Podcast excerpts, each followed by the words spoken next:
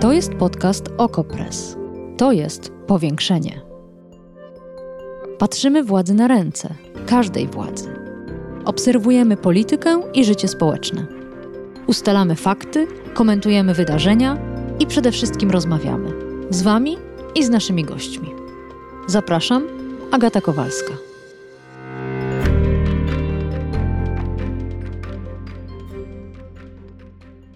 Jarosław Kaczyński ogłosił, że odchodzi z rządu. Prezes PiS nigdy nie był specjalnie przywiązany do ozdobników, do protokołu ani do polskiej konstytucji. I tym razem też nie zawiódł. Przekazał informację polskiej agencji prasowej w typowym dla siebie stylu. Nie jestem już w rządzie. Premier Mateusz Morawiecki oraz, z tego co wiem, prezydent Andrzej Duda przyjęli moją rezygnację. Morawiecki jako szef rządu od początku nie miał złudzeń, kto tu jest prawdziwym szefem. Nieco oporu chyba stawia Andrzej Duda, bo kilka godzin po depeszy PAP kancelaria prezydenta, być może usiłując zachować godność własną, ogłosiła, że zmian w rządzie dokona jednak prezydent. W środę o 15. Co bardziej złośliwi zastanawiają się teraz, czy Jarosław Kaczyński w ogóle pofatyguje się do Pałacu Prezydenckiego. Ale to wszystko głupstwa. Nieco poważniej o tym, jaką rolę pełni w naszym państwie Kaczyński i dlaczego na swego następcę wyznaczył Mariusza Błaszczaka, już za chwilę w powiększeniu. Zapraszam.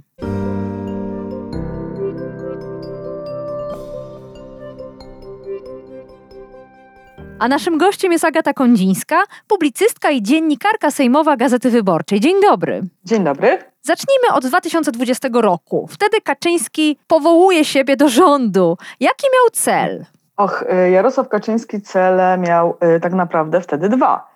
Y, pierwszym to była ta ustawa, to był taki cel formalny i oficjalny, to było napisanie ustawy o ochronie ojczyzny. On to zrealizował, udało się to przeprowadzić przez Sejm. Senat, ustawa jest podpisana przez prezydenta. Drugi cel był oczywiście nieoficjalny, bardziej, mm, bardziej zakulisowy, mniej formalny i to chodziło o uspokojenie nastrojów, a właściwie pilnowanie, aby w rządzie te wszystkie trybiki maszyny chodziły e, sprawnie, a wiemy e, od e, początku, czyli od 2015 roku, kiedy Prawo i Sprawiedliwość przejęło rządy w kraju i zachowuje tą ciągłość rządzenia, że tych waśni i takich wojen podjazdowych jest całkiem sporo w Zjednoczonej Prawicy. No, nie ma już na przykład jednego koalicjanta, który stawał okoniem i to było porozumienie Jarosława Gowina. Wiemy, jak ta historia wyglądała, nie ma co do niej wracać, ale to też spowodowało, że ta większość parlamentarna nagle bardzo się skurczyła i zawisła na kilku de facto głosach. Głosach osób pojedynczych, osób z ambicjami, osób z charakterami,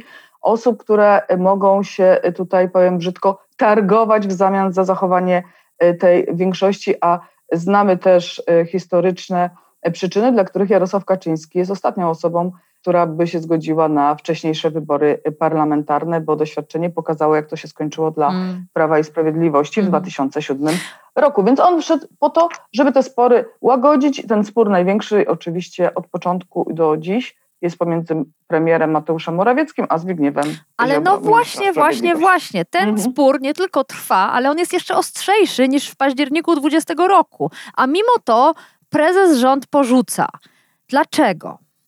No paradoksalnie wydawałoby się, że rzeczywiście on powinien teraz zostać i, i, i chwycić towarzystwo i przypilnować, żeby nie skakało sobie do oczu. Natomiast no, za półtora roku mamy wybory parlamentarne i to jest nadrzędny cel Jarosława Kaczyńskiego żeby po raz trzeci wygrać e, i zdobyć władzę, tak, żeby partia Prawo i Sprawiedliwość i tutaj oczywiście z tymi satelitami, które wokół niej e, krążą, czy to są Republikanie Adama Bielana, czy to, są, czy to jest Solidarna Polska Zbigniewa Ziobry, żeby osiągnąć e, ten sukces wyborczy, który będzie naprawdę trudny, bo partia jest już i rozleniwiona, i zmęczona, i nasycona też de facto e, pewnymi fruktami wynikającymi z, e, z pozycji, które, która jest uprzywilejowana dla obozu władzy, wiadomo. No i pewnie nie, dosyć pewna zwycięstwa, bo te sondaże wciąż są pozytywne dla Prawa i Sprawiedliwości. Prezes pewnie boi się utraty solidnej, trwałej, porządnej większości, ale partia widzi, że jest wciąż w sondażach na czele. To jest, to jest troszeczkę takie pozorne, bo to jest to, czego moim zdaniem najbardziej boi się Jarosław Kaczyński, czyli tego uśpienia. Tak? To właśnie to jest to, co powiedziałaś. Sondaże nadal dają pierwsze miejsce Prawu i Sprawiedliwości, ale to nie znaczy wcale, że Prawo i Sprawiedliwość może wygrać te wybory i zachować władzę. Ono może wygrać te wybory, ale może się okazać, że nie utworzy rządu. I tego najbardziej boi się Jarosław Kaczyński, że uśpieni sondażami jego politycy, politycy jego partii nie wykonają tak tytanicznej pracy, na jakiej on oczekuje i na jaką on liczy, że nie pojadą do wyborców, nie będą chodzić od drzwi do drzwi, nie będą opowiadać tego przekazu o ośmiu latach wspaniałych rządów Prawa i Sprawiedliwości, o tej krainie, w której mlekiem i miodem płynącej, w której dzisiaj wszyscy żyjemy dzięki właśnie Prawu mm. i Sprawiedliwości. Ja tutaj teraz oczywiście ironizuję, gdyby ktoś nie zrozumiał, ale to jest to, czego się boi Kaczyński. Bardzo dobrze to ujęłaś i on musi jechać i on musi rozbudzić to całe towarzystwo do pracy, po prostu zmobilizować. To na chwilę zostawmy partię i wróćmy do rządu. Nowym wicepremierem w miejsce Kaczyńskiego i tym ministrem od bezpieczeństwa narodowego zostanie Mariusz Błaszczak. Jednocześnie zachowa tekę ministra obrony narodowej i Kaczyński znów w tej, mm, w tej wypowiedzi dla PAP, chciałam powiedzieć w wywiadzie, ale nie oszukujmy się, mhm. powiedział tak, to jest całkowicie naturalna decyzja, Mamy wojnę, a on, Błaszczak, jest ministrem obrony, więc w tej szczególnej sytuacji, w jakiej jesteśmy, takie połączenie tych dwóch stanowisk ma bardzo duże zalety. Pierwsza kwestia to, czyja to była decyzja i czy Mateusz Morawiecki został poinformowany po fakcie, a druga, no to dlaczego Błaszczak? Ja myślę, że ja myślę, no oczywiście jest, że to była decyzja Jarosława Kaczyńskiego, ale myślę, że uzgodniona gdzieś z premierem Mateuszem e, Morawieckim, bo mm, z tego co wiem, ta ta więź między tymi politykami nadal jest y, silna. Nie jest tak, że to zaufanie do premiera zostało jakoś nadwyrężone w oczach Kaczyńskiego. To nie. To mimo porażki Polskiego Ładu, mimo tego, co się teraz dzieje na linii Warszawa-Bruksela? Tak, gdyby, y, myślę, że gdyby Jarosław Kaczyński wiedział, że z premierem Morawieckim nie wygra tych wyborów, to on by go zmienił. Jarosław Kaczyński już pokazał, że można zmienić premiera, kiedy się tylko chce. Tak było z Beatą Szydło, przecież ona od, od, odchodziła w glorii i chwale, prawda?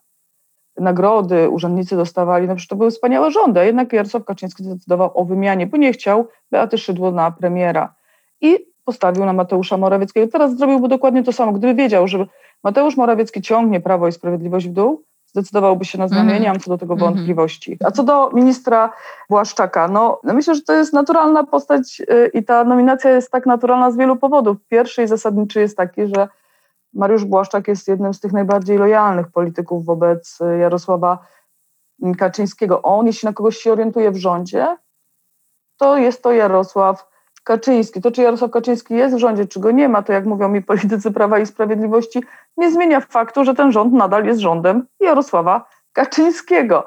Więc nie trzeba, żeby prezes był i miał gabinet w Alejach Ujazdowskich, bo i tak wszyscy wiedzą, kto rządzi i kto steruje. Ale to, jest, to, to jest dla mnie mhm. jasne, że Mariusz Błaszczak orientuje się na Kaczyńskiego, ale dlaczego Kaczyński na Błaszczaka. Tam jest wiele postaci, które deklarowały przez te lata lojalność wobec Jarosława Kaczyńskiego.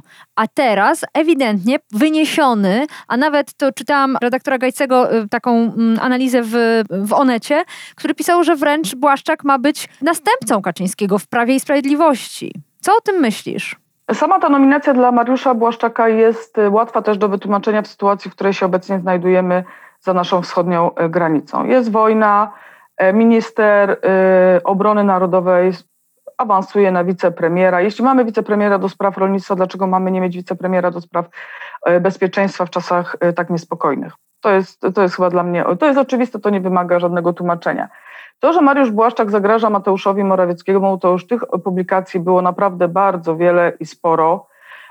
I on jak do tej pory premierem jeszcze nie został. Czy zastąpi Jarosława Kaczyńskiego w Prawie i Sprawiedliwości, to naprawdę nie umiem tego odgadnąć, bo myślę, że gdyby doszło do jakiejkolwiek zmiany na stanowisku szefa e, Prawa i Sprawiedliwości, to wielu polityków jest tam, którzy, ma, którzy noszą e, buławę w plecaku i wielu z nich będzie próbowało tę schedę po Jarosławie Kaczyńskim rozszarpać. To jest trochę taki, taki torcik, na którym, na którym te kawałki, te kawałki jedne, jedni mają większe, inni mają mniejsze. Wszystko zależy od pozycji. Błaszczak nie jest osobą, która buduje też pozycję taką polityczną. On nie ma swojej frakcji silnej w Prawie i Sprawiedliwości. On dlatego jest wygodny dla Jarosława Kaczyńskiego.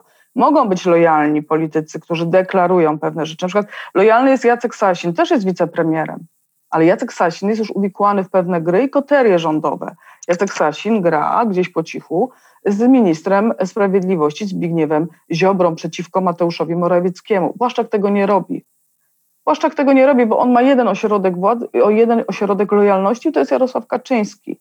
I dopóki Jarosław Kaczyński będzie stawiał na Mateusza Morawieckiego, Mariusz Błaszczak też nie będzie grał przeciwko Morawieckiemu otwarcie. Tam nie, ja nie przypominam sobie takich publicznych wypowiedzi albo podszczypywanek, albo nawet nieoficjalnych, które by wskazywały na to, że Mariusz Błaszczak te gry i koterie prowadzi. Ale jest jeszcze jedna zasadnicza rzecz według mnie, o której mówili mi e, rozmówcy z rządu nieoficjalnie. Dlaczego Jarosław Kaczyński postawił na Mariusza Błaszczaka? Otóż Komitet do Spraw Bezpieczeństwa skupia w sobie informacje ze wszystkich służb. Tak? To jest, y, a wiadomo, że do tej pory tą, tym, tą osobą numer jeden, która była nadzorcą nad służbami, był i jest Mariusz Kamiński, szef MSWiA. On jest koordynatorem do spraw służb. Teraz, kiedy jest Komitet do Spraw Bezpieczeństwa, którym zarządzał Jarosław Kaczyński, tam spływają też informacje z innych i z wszystkich służb. A zatem Mariusz Błaszczak lekko awansuje nad, nad y, Kamińskiego. I ja słyszałam taką, y, taką wersję, że Jarosław Kaczyński nie do końca, nie do końca ma zaufanie do tego, jak Mariusz Kamiński radzi sobie ze służbami. I stąd to oddelegowanie tego wiernego z najwierniejszych, czyli Błaszczaka na ten trudny odcinek. Myślę, że to, myślę, że to też może mieć znaczenie. Dlatego nie jest też przypadkiem, że, że tam nadzorcą nad komitetem takim, no wiadomo, Mariusz Błaszczak jest szefem, e, szefem mm, obrony narodowej, tak, jest ministrem obrony narodowej, ma swoje zajęcia resortowe. Do tego do, dojdzie mu jeszcze Komitet Bezpieczeństwa. I dostał takiego nadzorcę, czyli Zbigniewa e, Hoffmana, to jest człowiek z kancelarii e, premiera, wcześniej wojewoda wielkopolski, który na co dzień będzie mu organizował pracę tego komitetu. To też nie jest przypadkowa postać. To jest człowiek z rodowodem PC, czyli pierwszej partii Jarosława Kaczyńskiego, a zatem i on jest z tego zakonu, tak kiedyś było takie określenie na tych starych działaczy, zakon PC. Także on jest właśnie najwierniejszym z najwierniejszych z tego jądra, ma ten niezastąpiony i niepodważalny rodowód, który otwiera wszystkie drzwi w Prawie i Sprawiedliwości, czyli rodowód porozumienia centrum. Nie ma przypadku. Jarosław Kaczyński odchodzi z rządu, ale to, co tam zostawia, to, co po sobie zostawia, to komu powierza te swoje interesy, on może być spokojny. On może być spokojny, czy są zaufani jego ludzie. I wszystkie informacje nadal będą do Jarosława Kaczyńskiego spływały. No, to rzeczywiście nas wszystkich uspokoiłaś. E, na ile ta układanka wpływa na pozycję Zbigniewa Ziobry? On teraz bardzo ostro gra. E, to są dla niego dobre czy niedobre informacje? Trudno jest ocenić, um, trudno jest ocenić, bo są też oczywiście informacje, które spływają do Komitetu Bezpieczeństwa z Ministerstwa Sprawiedliwości, wiadomo.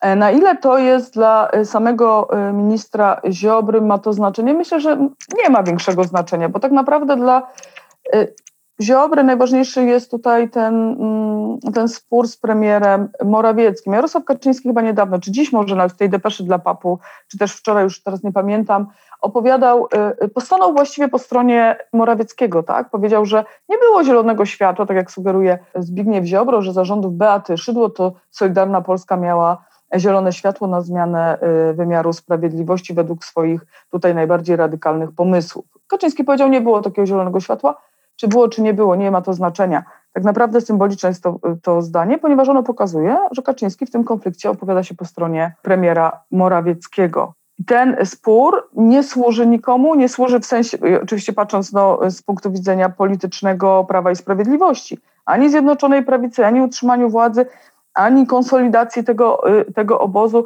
To jest już takie wywlekanie, on już jest publiczny, on już jest publiczny, to nie jest już wojna y, pod dywanem, o której y, piszemy my dziennikarze, często y, no, y, ujawniając coś zakulisowo, próbując się tego dowiedzieć, to już nawet, nawet nie musimy tej pracy wykonywać, ponieważ wychodzą dwaj ministrowie, mm, czy premier i minister, i wystarczy ich posłuchać, żeby się dowiedzieć, jak bardzo są nastawieni przeciwko sobie. No tak, i ostatecznie nawet Jarosław Kaczyński jednym zdaniem się do tego sporu odnosi. Wróćmy teraz do partii, do Jarosława Kaczyńskiego, który ma półtora roku na pracę nad um, rozleniwionym Prawem i Sprawiedliwością. Na czym właściwie ma polegać ta praca? Pisaliście, mówię wy, dziennikarze mm, zajmujący się na co dzień polityką partyjną, o zupełnie nowym podziale takim przedwyborczym e, w partii. Co tam ma się zmieniać i na ile to wstrząśnie wierchuszką Jarosław Kaczyński przywiązuje wielką wagę do takiej pracy mm, organicznej, tak? tej pracy u podstaw. On nawet w, tej, w swojej książce e, Porozumienie przeciw monowładzy, ja pamiętam, e, jak opisywał e, spotkania z lat 90., jeszcze samego początku, gdy tworzył PC i też jeździł, jeździł, namawiał, przekonywał do swojego programu. I opowiadał o tych, mm, w taki barwny sposób opowiadał o tych spotkaniach, bo albo przychodziło kilka osób, albo zauważał, że na przykład y, ktoś przyszedł podpity, bo unosił się zapach alkoholu, ale on nigdy tego nie porzucił. On nadal i Prawo i Sprawiedliwość, jeśli przypomnimy sobie ostatnie kampanie, wszystkie wyborcze Prawa i Sprawiedliwości, jakiekolwiek, czy do tak. samorządu, czy do, czy, tak, czy krajowe, czy europejskie, zawsze stawia. Oni mają hasło na przykład objazd wszystkich gmin. Tak, door to door. I, mm-hmm. Prawda? Tak. I oni to realizują. To jest coś, co Kaczyński, dla Kaczyńskiego jest bardzo ważne. On uważa, że trzeba pójść, przekonywać, opowiadać, bo wszyscy inni dookoła nie opowiadają tak, jak należy. Oczywiście media też są przeciwko Kaczyńskiemu, chociaż on już ma swoje media, ale nadal uważa, że te jego media są w mniejszości. W związku z tym on chce, żeby partia się ruszyła, poszła z przekazem, dlatego Podzielił ją teraz na 94 okręgi, które dostosowuje do mapy wyborczej senackiej, bo e, Prawo i Sprawiedliwość straciło Senat w ostatnich e, wyborach. Nie jest to wielka bolączka, ale jednak jest to bolączka, bo jak widać e, przez te ostatnie lata obserwowaliśmy różne, różne historie, które się działy na linii tej legislacyjnej pomiędzy Sejmem a Senatem. Ustawy wracały, ktoś gdzieś, ktoś gdzieś coś wywracał, ktoś komuś przetrzymywał i tak dalej, i tak dalej. Nie jest, no to na pewno utrudnia ten model rządzenia, który, któremu hołubi Jarosław Kaczyński, żeby walcem szybciutko w te pędy do prezydenta z podpisem i bezdyskusyjnie wszystko uchwalać. Więc na pewno się szykuje na odzyskanie e, Senatu, stąd ta zmiana partyjna, te, to dostosowanie mm, terenowych struktur do mapy wyborczej e, senackiej. Stąd zakaz dla, e, dla ministrów i, i, czy też członków prezydium Sejmu i Senatu, zakaz łączenia tych funkcji właśnie rządowych z, z szefowaniem w terenie. Kaczyński chce, żeby ludzie, którzy zostaną szefami w okręgach, byli skupieni na pracy w okręgu. Nie na pracy w rządzie, nie na pracy w Sejmie, tylko w okręgu. Ta, ma, to jest jedna wielka machina, kilka tysięcy czy kilkanaście tysięcy działaczy, którą trzeba naoliwić i która ma jechać, jechać, jechać przez półtora roku, nie zasapać się i dobiec do, do mety i dojechać tak, żeby wszyscy wysiedli na jednej stacji pod tytułem zwycięstwo. Dlatego on to robi, sam będzie jeździł, premier ma, y, chyba też już jeździ przecież. Za chwilę pojadą ministrowie w teren, pojadą posłowie, pojadą europosłowie. Wszyscy będą e, pracować na to jedno zwycięstwo. Ja pamiętam w lata y, opozycji, lata opozycji, kiedy Prawo i Sprawiedliwość mm, już czuło, że nadchodzi ten wiatr zmian, albo bardzo chciało już przesiąść się z łap opozycyjnych do tych rządowych, to Jarosław Kaczyński nawet zlecał audyty partii w terenie. Tam była taka jedna kobieta, która jeździła od oddziału do oddziału, po prostu sprawdzała wszystko i w centrali meldowała, jak co wygląda. I Jarosław Kaczyński kazał albo wdrażać jakieś programy naprawcze. On traktuje to trochę jak korporacje. Jak korporacje. Były tam też swego czasu bunty, bo właśnie politycy mówili mi, no my nie jesteśmy z korporacji, my, my nie chcemy. Czasy się zmieniają, partie się zmieniają Kaczyński próbuje za tym wszystkim e, nadążyć.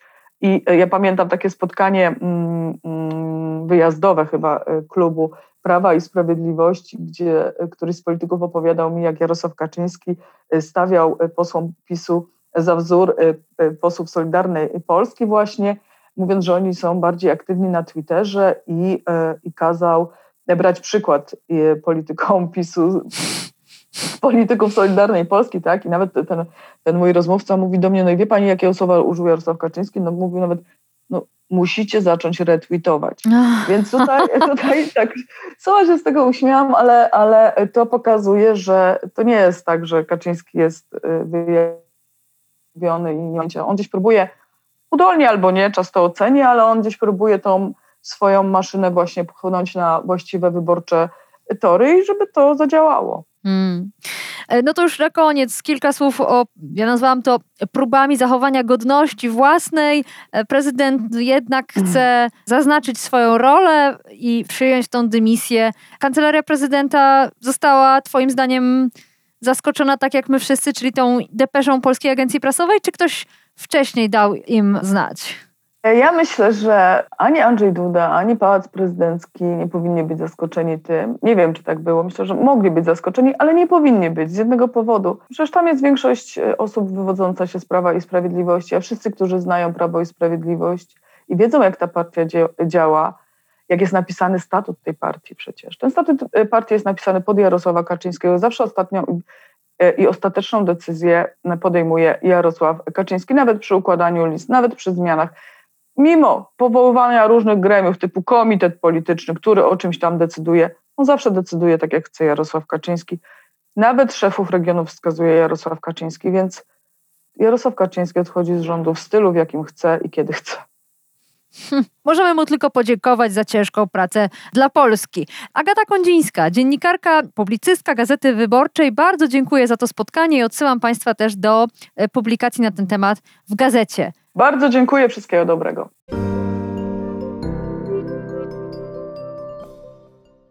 I Wam dziękuję za wysłuchanie tego odcinka powiększenia i mam zaproszenie.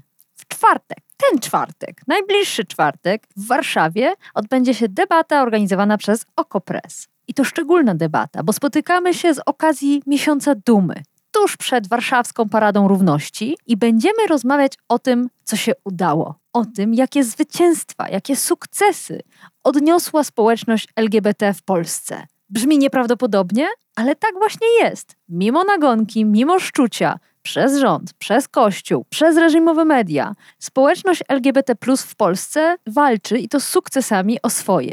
Na spotkanie zaprosiłam wspaniałych gości, ale mam nadzieję, że Wy też przybędziecie i spędzimy ten czas wspólnie. Spotykamy się w czwartek o 19 w Nowym Teatrze na Madalińskiego w Warszawie we foyer. Tam dyskusja i dużo, chyba z sześć mikrofonów, więc naprawdę zachęcam, przychodźcie i zabierajcie głos. Do usłyszenia. Powiększenie. Podcast Okopres. Prowadzenie Agata Kowalska. Podcast znajdziesz na stronie Okopres i w Twojej ulubionej aplikacji do podcastów. Redakcja Okopres działa od 2016 roku. Jesteśmy obywatelskim narzędziem kontroli władzy, obecnej i każdej następnej. Okopres utrzymuje się z Waszych darowizn. Wesprzyj nas, byśmy mogli działać dalej.